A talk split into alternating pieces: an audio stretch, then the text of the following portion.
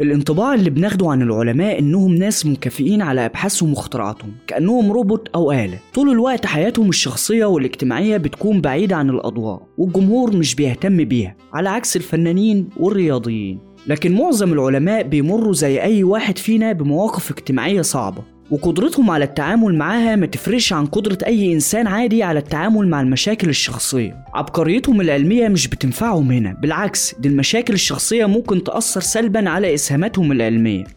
شخصيتنا النهاردة توماس إديسون وقصته مع ابنه الغبي. توماس إديسون كان عنده ابن بيحمل نفس الاسم توماس إديسون الصغير. كان مهووس جدا بوالده وباختراعاته. في البداية اشتغل مع أبوه في معمله لكن أبوه اتخنق منه لأنه كان عيل غبي جدا ما توافقوش مع بعض وطردوا من الشغل في الآخر. لكن المشكلة ما وقفتش لحد كده. توماس إديسون الصغير كان ماشي ينشر إشاعات إنه مخترع. إما اختراعات لأبوه بينسبها لنفسه أو مجرد اختراعات فنكوش ملهاش وجود.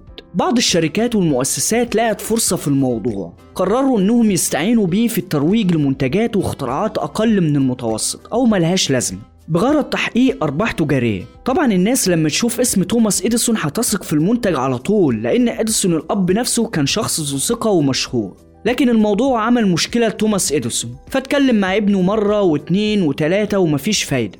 بيقول عن ابنه في اللحظة دي كانت دماغه تخينة جدا مش مقتنع إن الشركات دي بتستغله فعلا. افهم بقى يا عم والبعيد ما بيفهمش.